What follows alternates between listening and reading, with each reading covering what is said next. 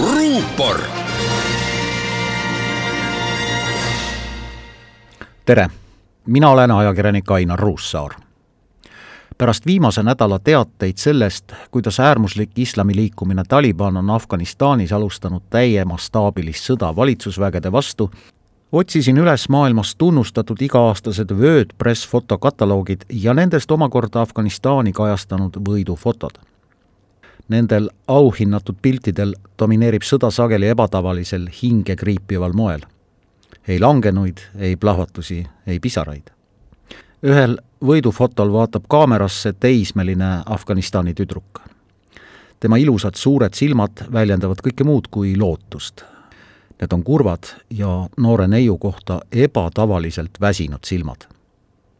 kogu tema elu on möödunud sõjas tema ema ja isa kogu elu möödus sõjas. tema vanavanemad veetsid vähemalt poole oma elu sõjas. teisel võidufotol vaatab kaamerasse viieaastane afgaani poiss. ta seisab oma savist koduonni aknal ja puurib silmad fotokaamerasse. lapse suurtes silmades pole kübetki lapselikku rõõmu. Need on viieaastase vanainimese silmad, millest vaatab vastu karm argipäev.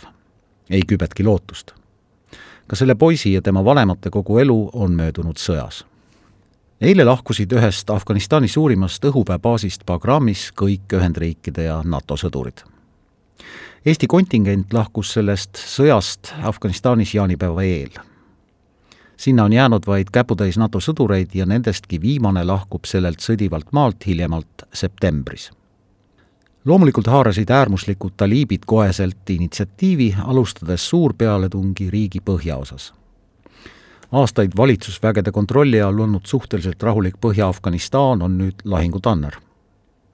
Taliban on hõivanud mitmed piiripunktid naaberriikidega ja Tadžikistani ning Usbekistani valguvad põgenikud on tõsine probleem lisaks on probleem see, et Taliban kehtestab vallutatud territooriumidel karmid islamiseadused ning kindlasti hakkab veriselt kätte maksma nendele afgaanidele, kes moel või teisel töötasid NATO liitlaste heaks või tegid nendega koostööd.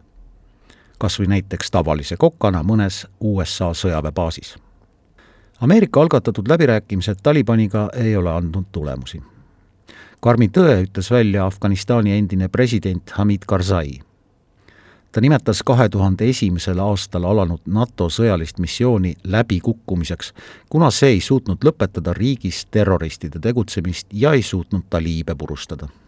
Need, kes tulid siia kakskümmend aastat tagasi ekstremismi ja terrorismi vastu võitlema, ei suutnud seda lõpetada, vaid nende valvamisel on äärmuslus Afganistanis õitsenud.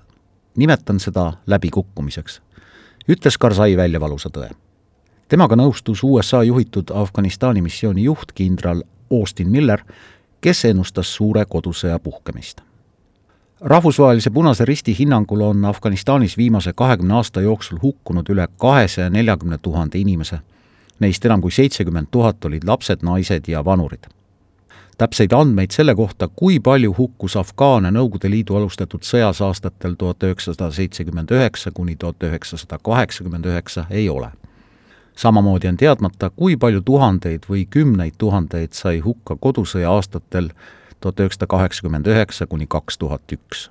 on lõpmatult kurb tõdeda, et minu kirjeldatud väsinud ja lootusetute silmadega lapsi tuleb Afganistanis juurde. ruupor